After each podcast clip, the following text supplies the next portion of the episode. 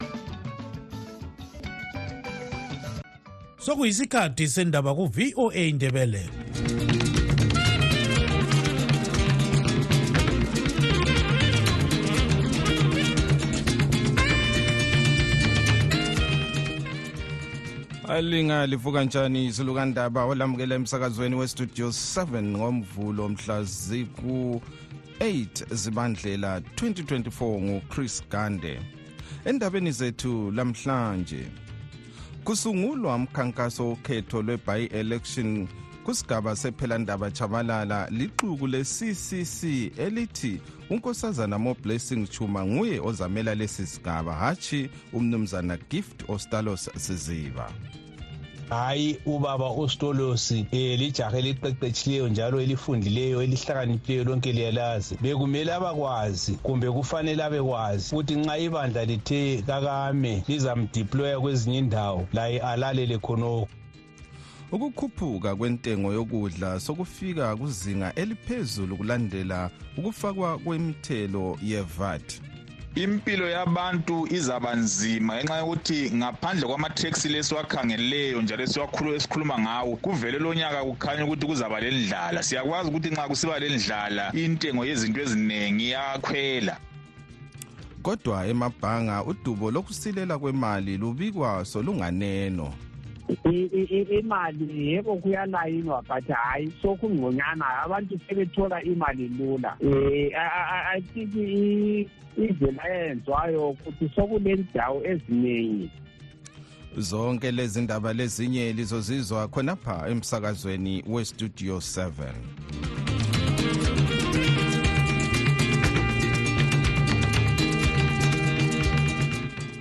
kusungulwa umkhankaso wokhetho lwe-by-election esigabeni sephelandaba chabalala lixuku le-ccc elithi unkosazana more blessings chuma nguye ozamela lesi sigaba hatshi umnumzana gift ostalos siziba umkhankaso lo usungulwe ngomgqibelo kobulawayo usiziba lochuma benelisa ukufaka amabizo abo emthethwandaba wokhetho owe-nomination court nyakenye kukhetho olukhangelelwe ukwenziwa mhla ziku-3 kunyanga ezayo usiziba wahambisa amaphepha akhe emele ibandla le-ccc lanxa kulesinqumo somthethwandaba we-high court esithi abaxotshwa edale lephalamende kumbe senate lakukhansel ngamabandla abo akumelanga bancintise njalo bemele ibandla abaxotshwa bekulo abazi ngokwenzakalayo bathi usiziba ukhangelelwe ukuhanjiswa imthethwandaba kuyona le iviki ukuthi angancintisi kulolu khetho lwe-by-election imizamo yokukhuluma losiziba yehlule ngoba ubengaphenduli ucingo lwakhe kodwa senelise ukuxoxa lomunye wabasebenza lomnumzana chabangu umnumzana albert mhlanga laye obekhona emkhosini wokusungula lomkhankaso Eh ngiyabonga baba Gande ngikubingelela ngomnyaka omutsha ngisithi hayi thina siwungene kuhle umnyaka omutsha eh siwungene nje siqalisa umsebenzi omkhulu wokukhokhela abantu njalo silungiselela ukuthi ilizwe leZimbabwe silibisele kubanikazi silithathe kumbuso lowo okhona Eh ukhankaso siluqalisile izolo senza ilontshi yethu yabanhle kakhulu abantu babuye ngesikhathi esavumelana ngaso saqalisa ngamatheni kwaba yiyelo i-shopping center yonke kwaba lokujabula okukhulu eh sonke siyibukhokheli phose obuhlanganisa ibulawayo besikhona eh bekulami u-albert mhlanga eh kube khona ubaba ukucaca phulu onguye uloya wethu kube khona ubaba uchabangu onguye usecretary general kube losiso mbuso onguye osigcinela ingcebo onguye interim treasure general wethu kube njalo lobaba ukholethi ndlovu onguye osiqoqela inhlelo lezi labanye nje ama-councillors lama-mp empophoma ubekhona um eh, ucharlie umoyo lo-mp lo unyathi Phakathi laye welobhengula ubekhona lamanye amakhansila agoqela umama uSikhuleleke Moyo onguye osikhangelela inhlelo zabomama. Kube khona njalo uNomvula obe ngu-MP wethu lapha koBulawayo. Kube khona njalo uLwazi obe ngu-MP eMathebheleni North lamanye nje ama-MP asuka eMaswingo labanye abasuka eMathebheleni North. Hayi bekungumsebenzi omkhulu kakhulu. Bekungumsebenzi omkhulu esiwuqalise koBulawayo. kwayo ngoba kulapho thina esikhona yes amalontshi laye azaba khona egweru abe khona lakwezinye indawo lapho esilama-candidate ayangena mhla ka-three lapho nje sizimisele ukuwathatha phose wonke back um eh, ama-constituency la asa okwenziwa khona ama-recall manje njengoba leso sigaba besilomnumzana gift ostalo sesiziba nanku selisenza lisungula umkhankaso omunye okamo blessing ongayiso oka eh, siziba kuhamba njani ungasitshela ukuthi kuhamba njani khona kuzaba lababili na abazancintisana bengabe bandla hayi ngiyawuzwa umbuzo wakho ukuthi bazabe bebabili eh bantu bakobulawayo zimbabwe omuhle bambani amazwi um ngesishona kuthiwa ibata imazwi into ezabe ikhona mhla ka-3 february um kuzabe kule-cardident yezano le-cardident 1 ecc ekuthiwa ngumoblessing hhayi ubaba ustolosi um lijaha eliqeqetshileyo njalo elifundileyo elihlakaniphileyo lonke liyalazi abakude bekumele abakwazi kumbe kufanele abekwazi ukuthi nxa ibandla lithe kakame lizamdeploya kwezinye indawo laye alalele khonokho so hhayi uyakwazi ukuthi mhla ka-3 kuballot box uyabe ngekho yinto njengayiphumputhiyo ye lokhuyana bekukuqhoqhoza nje umfula umfula uziwa abanye bawuqhoqhoza ngogodo kodwa kwesinye isikhathi uyathi uqhoqhoza ngogodo kuhambe ugodo kuphinde kuhambe lawe yikho kuzayenzakala mhla ka-3 ngiyabonga babakandi lathi siyabonga lo-ke ngumnumzana albert mhlanga ongomunye wabasebenza lo mnumzana sengezo chabangu ozithi nguye unobhala jikelele webandla le-ccc ubekhuluma ecingweni le-studio 7 ekobulawayo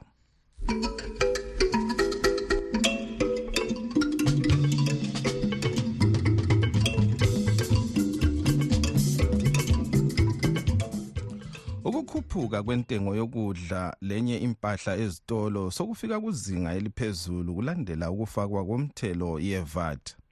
umphathi ntambo wezemali umnumzana mthuli ncube wazisa nyakenye esethula uluhlu lwendleko zikahulumende ibhajethi ukuthi kuzakwethulwa imithelo yevat kuntengo ezijiyeneyo ngalokho intengo yenyama amafutha ezimota isinkwa lembadalo yentuba zomgwaqo ama-toll gates isikhwelile kukhangelelwe ukuthi enye impahla yokudla lakho okunye layo kuza kuba lentengo ethe xaxa kunsukwana ezilandelayo sixoxe lo mkhokheli wenhlanganiso elwela ilungelo lezakhamizi eyebulawayo progressive residence association umnumzana thembelani dube kulandela ukwethulwa koluhlu lokusetshenziswa kwezimali ngomnyaka ka-2024 esingathi national budget kukhangelelwe njalo kuyenzakala yikho kwenzakalayo ukuthi impahla eziningi ziza akhwela kulandela amatheksi lawa yiwo abekwayo azakwenza ukuthi inyama lokunye okudliwayo kukhwele kubangelwa kuyini khona ukukhwela yikuthi imithelo eminingi leyafakwayo icine ifuqelwa kumuntu onguye othengayo esingathi yikhonzuma uzafica ukuthi ama-toll gates akhwelile nge-hundred more than 100 percent um eh, ifuel ikhwelile lezinye izinto nje zikhwelile ngenxa yama-tax wona lawo so kungavele kukhwele izinto zonezo i-charge yona leyo ifuqela emuntwini onguye ozathenga ekucineni kuyona leyo ketani yokuthenga besingathi yi-value chain so yikho kokwenzakalayo izinkwa isinkwa siyakhwela inyama iyakhwela amadrink azakhwela ngoba siyakwazi ukuthi kwathiwa kuzaba le-0.2 percent for every gram um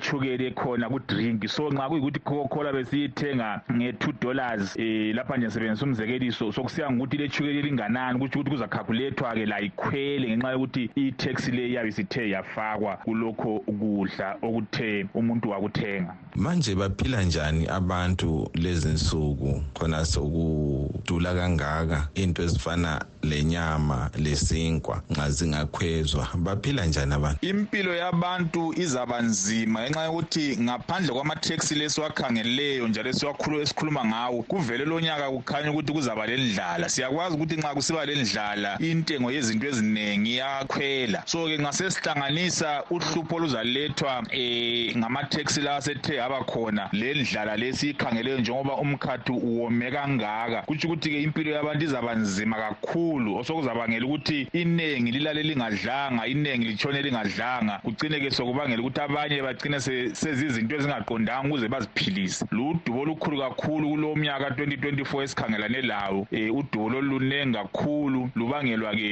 yiyo ibhajethi ethe yethulwa ezakwenza ukuthi izinto zikhwele kakhulu izinto abantu abaningi bangenelisi ukuthi sithenge esingathi ngama-basic goods okuyikho okufunakalayo nsuku zonke okubalisela osinkwa okubalisela impuphu lokunye nje ngoba imithelo yonke leyana isuka iyehlele emuntwini onguye othengayo isifakwe yakhweza intengo yezinto okumele umuntu azithenge udubo lukhulu kakhulu ezimbabwe sifisa ukuthi ngabe kuthiwa izinhlanganiso ezincedisa ngokudla ziyangenela masinyane ziphathise ukuze abantu bangabulawa indlala njengoba-ke lo mkhathi ukhwame kangaka lo-ke ngumnumzana thembelani dube isiphathamandla senhlanganiso elwela ilungelo lezakhamizi eyebulawayo progressive residents association kolunye udaba olufanayo emabhanga udubo lokusilela kwemali lubikwaso lunganeno indwendwe ezaziyandise ukuba khona zibikwa sezingasekho lanxa kwamanye amabhanga ikakhulu ekupheleni kwenyanga kuba lendwendwe kodwa azifani lezensuku ezedluleyo sixoxe lesiphathamandla senhlanganiso elwela ilungelo labathengi e-consumer council of zimbabwe umnumzana comfort mujekeza ukuze sizwe okuningi ngalolu daba imali yebo kuyalayinwa but hayi sokungconyana abantu sebethola imali lula um i think indlela eyenziwayo ukuthi sokulendawo eziningi ukuthi abantu bayakwanisa ukuzuza imali zabo abantu baya kumabhenki abantu baya kumomkhulu abantu baya kuma-mobile money transfers like abo-ecosure labo-one money um indlela zokuthi abantu bathathe imali zabo sezinengi khonokho nako sokwaredusa i-pressure kumabhanga um eh, ama-q asakhona but eh, not as long as they used to be ngesikhathi besiyana sayizolo sizwa kuthiwa bakhona abanye osomabhizimusi abangemukeli idola lezimbabwe amabhondi lokunye okunjalo befuna bona i-us dollar kumbe irandi ikakhulu khona ngapho kobulawayo kuliqiniso yini lokhu iqiniso liqiniso bakhona abanye bangafuni imali yalapho um into sesihlangabeza lazo izathi abanye abafuni imali yalapha total yonke ukuthi bathi imali yalapha siyifuni abanye labo bayakhetha ama-products ukuthi ungangena kushop yakhe ingakwanisa ukuthi itshukela sifuna i-user only um amanye ama-products you can do this so kutshele kubathi ukuthi imali yalapha ilendawo abantu bayeyala khona liqiniso kulabanye bangayifuni kodwa kona kuliqiniso njalo ukuthi kwezinye izigaba zelizwe bayemukela imali yezimbabwe kulakwebulawayo um eh, ezinye indawo yebo but eh, nxa sesikhuluma ngama-product i think kuyafanana khosi kanti um eh, kulamanye ama-product like kulesikhathi esidlulileyo zanika umzekeliso wetshukela yebrown eh, abantu babeyala from imanufacturer iulet wabeyala ukuthatha imali yalapha eh then labana abavumayo ukuthatha imali yalapha ezimbabwe irate abayisebenzisayo yona ngokwayo miyezaxotsha abantu baze bacine bedinga imali yaphandle um khathesi i-official rate yethu i-auction rate it's around six hundred and forty wathi wawuzafika enye indawo bathi ah, imali yonke siyayivuma bakutshele irate ye-one thousand two hundred bakutshele ah, irate ye-one thousand khonoko kwakwenza ukuthi lawo bona ukuthi laba izinqabe vuma but ama-condition akhona ngiwazakuxotsha uzoyizidingela imali yaphandle umnumzana comfort mujekeza isiphathamandla senhlanganiso elibela ilungelo labathengi e-consumer council of zimbabwe okwamanje ke sizwe ezisemaphephandabeni achiyeneyo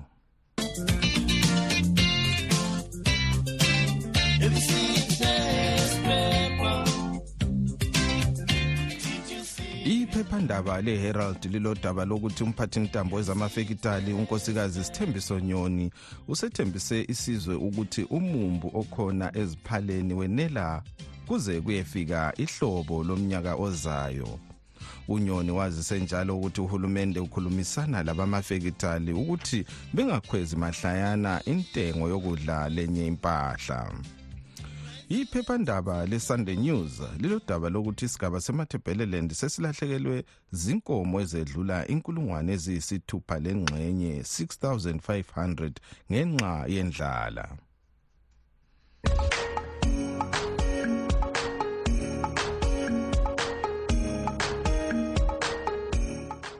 okwamanje sengidedela emuva ngilichiya izandleni zenu lina balaleli bethu kumbono yenu elisithumele nge-whatsapp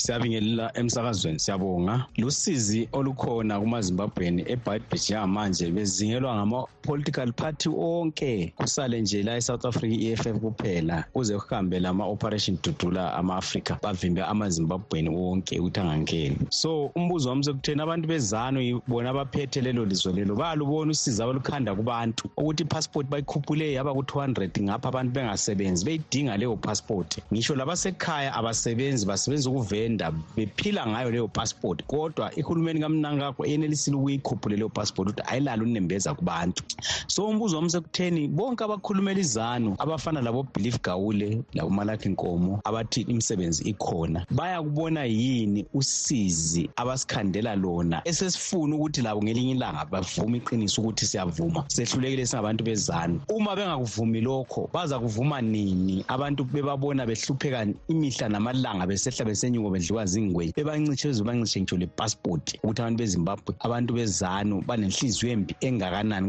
ebantwini bezimbabwe ngilethemba ukuthi bonke abantu ade bengakaboni ngezanu bazobona manje siyabonga Eh studio 7 linjani linjani lonke basakazi bethu. Yile lisethulela izindaba ezinhle, indaba ezimnandi elisasa ngomumo weZimbabwe. Thanda lokubingelela abasekeli abalalela eh, studio 7. Bentanda ukuphendula leli jaha leli leli jaha leli eh, abathi Joseph. Shuma kathi Joseph Jim uhlala ngaphi kwelizwe la? Uhlala ngaphi kwelizwe? Eh kambe umuntu nxa eza ukuthi khona eh eZimbabwe ku right kwathini thini uncubo ukhuluma amanga. yena iqiniso asitshela lona kuyini angabo simduduzela thina abozama ukuthi asihloniphe lo muntu lo siyamhlonipha kakhulu siyamhlonipha kakhulu ujobhe sikakathesi usejele ubolela phakathi wabotshelwani ungazi wasithe ukuthi wephula izinqumo izinqumo zani nabo simduduzela thina eh, studio seven studio seven um eh, cela lisikhuzele ujoseph chuma lo ongumuntu omdala okhuluma ngokuthi unenkampani yiphi inkampani abanayo ngaphandle kokuthi bebelokhu bebulala umnotho welizwe siyaphambili ebethi bona balezimali zabo iziphi izimali zabo abanazo ngaphandle kokugebengu babo bona benzayo abantu abazama ukuthi besihloniphe studio seven sisizwe sezimbabwe sidubekile sikwamanye amazwe manje ngenxa yokuhlupheka elizweni lethu sithi siyabheka labantu manje ma ungabheka abantu babisele emuva emfuleni lapha ngezizalwane ze-south africa sithwele nzima phila nzima ngani asilala izwe lethu kodwa izwe lethu likhona cela abantu laba bezama ukusihlonipha abantu bezanu bedle kuhle imali yezanu bengafuni ukusiphambanela emakhanda beabantu abadala abalenwele ezimhlophe ake besihloniphe kwelinye layo studio seven studio seven siyacela cela nisincedise impela indawo zesikoleni sikhathele izikulu fees ezikhuphuka njalo nje ngale prize yale sikole ungathi uyazenzela lo muntu siyacela uma ngabe kukhona lapho singakubhalela khona sisize sibhalele khona sikwazi simjinji sharon aphume edlamini waye ngoba asikwazi abantu bathi befundi usuka le emashonaleni izodisturb abantwana esikoleni lani abantwana bafunde ngenxa yakhe Salibonani, salibonani ku-Studio 7 nabalaleli baka-Studio 7 ngabe linjani bantu bakithi eyi ngathi kukhona into engingayizwa kahle-ke mina la ngale um eh, ukuholwa ngabantu basekhaya kwenzakalani uhulumeni uthi yena kumele izikolo zisuke emakhaya ema-reserve ziye ku-five dollars ematowns eh, yeku-20 dollars but already vele emakhaya sezigijima labo-30 dollars 28 dollars um leyo yimali efakwe ngubani ke lezi njengoba kusezikolo zikahulumeni ngaleso sikhathi kanti waye kudlalwa ngabantu waye kudlalwa ngabantu kuthiwa imali imali engaka but ma uthi uyafika khona uthole ngayisiyo leyo mali ma ethi ema-reserve izikolo kumele zibe ngama-five dollars manje sigijima labo-20 dollars ezikolo zasekhaya so lapha onamanga ngubani uhulumeni or laba abanye bayazenzela bayazi-edela izimali ezikolweni angisaku-understand ke khona lokho kanti kuba yikudlalwa ngabantu basezimbabwe so kulela ilizwe kudlalwa ngabantu kuphela eh, into esegcekeni kuthiwa ama-passport ngama-hundred and fifty dollars but abathathayo bathi bathatha ngabo-hundred and ninety dollars hayi hayi hayi hayi hayi abantu bezanu p f laba hayi khona bazogembula ebantwini straight okobona kuphi igovernment izothatha imali ebantwini ngale indlela iphatha ngakhona Studio 7, Studio 7, Studio 7. Injani basakazi be Studio 7. Hayi siyazizwa indaba mpela elisibize elisinikeza zona. Siyazizwa indaba elisinikeza zona. Siyabonga kakhulu umusa ongaka. Lisazisa izinto ezenzakala eZimbabwe zifihlwa iZanu PF. Siyabonga kakhulu. Hayi lo okhulumako lowu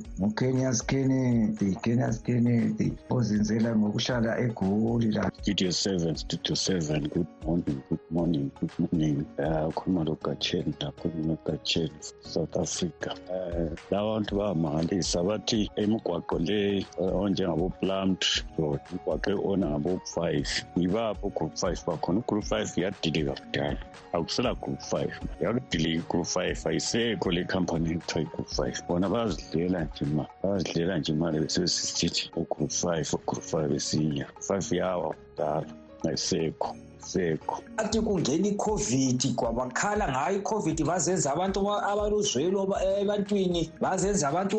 abalusizo emphakathini icovid siyadlula kodwa izanu p f ilokhu iqhubeke ibulala abantu manje bajika bekhala ngamasankshini beta amasankshini amasankshini amasankshini yiwo athi umnankagwa ayethenga izikhali zempi imali yokuyathenga izikhali zempi abantwana bezimbabwe bebulawa indlala uyithathaphi yena ilizwe lilamasankshini imali yokuyathenga izikhali zempi uyithathaphi yena waye engathathanga le mali wathengela abantu ukudla amasankshini yiwo akwenzayo konke lokhu yiwo amthumayo ukuthi kona ayethenga izikhali zempi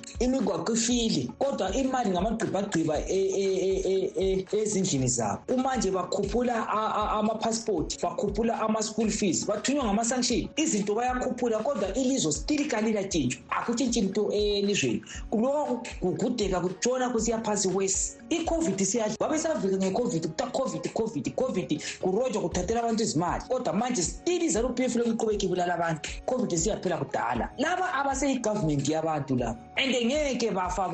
basize abantwana bezimbabwe kumanje bazovika ngama-sanction bethi ma-sanction ma-sanction kati lizwe bani elingatshintshiyo lizwe bani elingatshintshiyo and kuloko kusiba wesi sibona izimali bayakhuphula bayakhweza bathatha befake ezindlini zabo hayi yabona ukuthi yabona ukuthi vele um umuntu angasutha uyasutha kubi umuntu uyasutha kubi yazi uyadanisa ukuze umuntu wakini sibi khona le eflabos ekhuluma idoda enjengani le ekhunywa nguyena lo umalaki nkomo ngoba yena uyasutha uyadla yikho sokumele abuye ezokhuluma ukuthi abantu bavuke baze asiyalanga uvuka sizenzele vela kula abantu abangafani njengabezimbabwe that's why singafanga 2008 that's why singafanga banga nge-lockdown le abasebeyisebenzisa as iziko lokuthi lockdown but sebethole ichance yokuthi basikhathaze nje kuphela sisenza wayekhuluma ingcekeza enje because yena uyashuta ungathi abantu bavuke bazenzele right kathesi employment eningi kuyini ngabantu emakhomba tho amakhomba akhona labo abafuni ukuthi ayenze khona lokho abantu bazithengisele emsikeni ethawuni bethengisa amabhele into ezinje amabhele ukuthi baphilise imuli zabo babathathela futhi abantu babo but yena ngoba ngwezani uyasutha asizositshela ukuthi sivuke sizenze sizavuka sizenzele njani ikhansili yakhona nje wayifuni yazi into engicaplayo nga umuntu wesintwini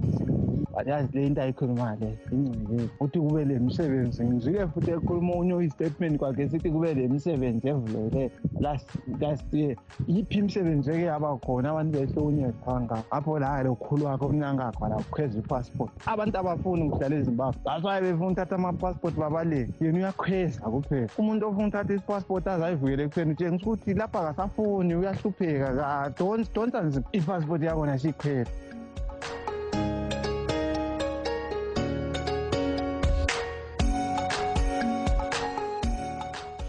lawo ke bekungamazwi enu lina balaleli bethu elisithumele ngewhatsapp kunombolo zethu ezithi plus 1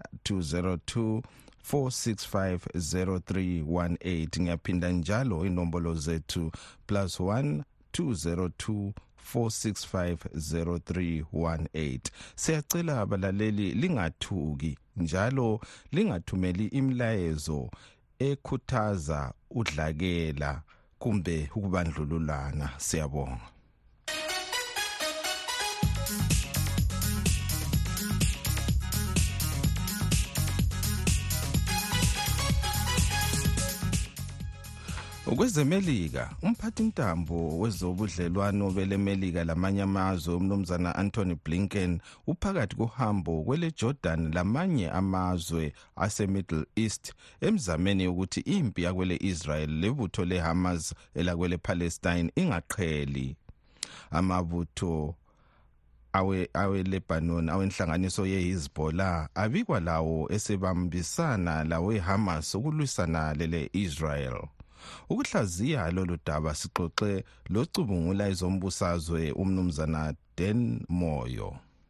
impi yehamas yileyi le-israyeli um eh, ukuphela kwayo ngokubona kwami yikuthi bahlalisane phansi bavumelane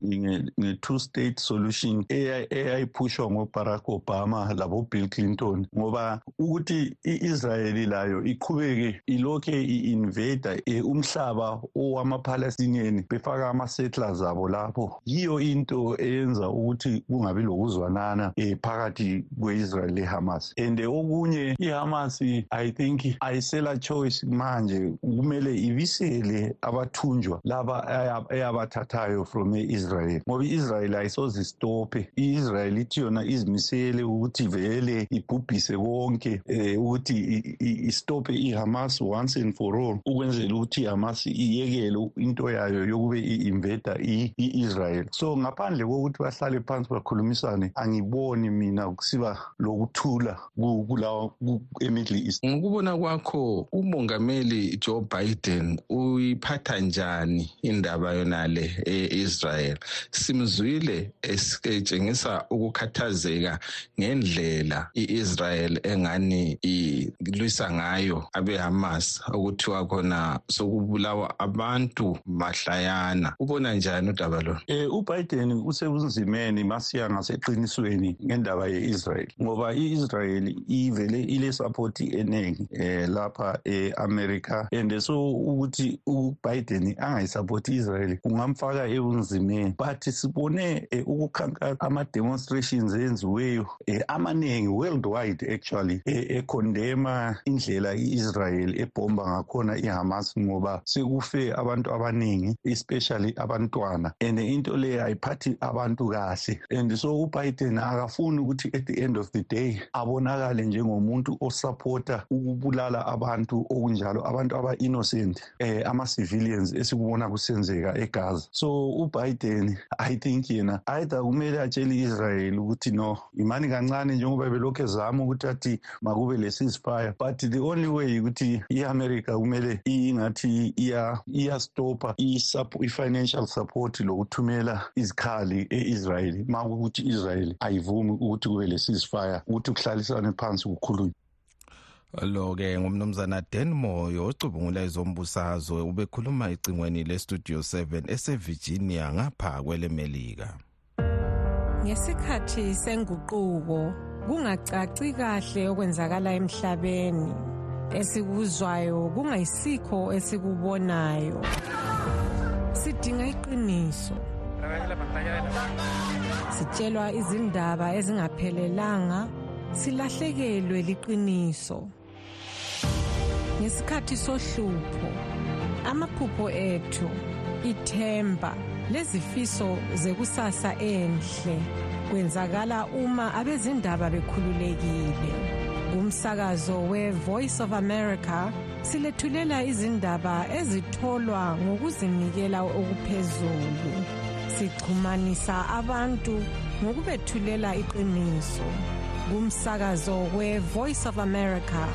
silethulela okwenzakalayo njengoba kunjalo isikhathi kasisavumi ukuba siqhubeke sisonke kodwa singakehlukani ke sikhangele ezinye zenhloko zendaba ebesilazo kuhlelo lwethu lwalamhlanje kusungulwe umkhankaso wokhetho lwe-by-election kusigaba sephelandaba chabalala lixuku le-ccc elithi unkosazana more blessing chuma nguye ozamela lesi sigaba hatshi umnumzana gift ostalo sesiziba si bekulomnumzana sengezo chabangu embuthanweni lo ukukhupha uku, intengo yokudla iyakhuphuka ifika kuzinga eliphezulu okuzabangelwa ukuthi iningi lilambe silugqiba ke lapha uhlelo lwethu lwalamhlanje abangenelisanga ukuzwa indaba zethu lilakho ukuzilalela ebulenjini ku-www voa ndebele com olivalelisayo ngisithi asidibaneni njalo kusasa sikhathi sinye nguchris gande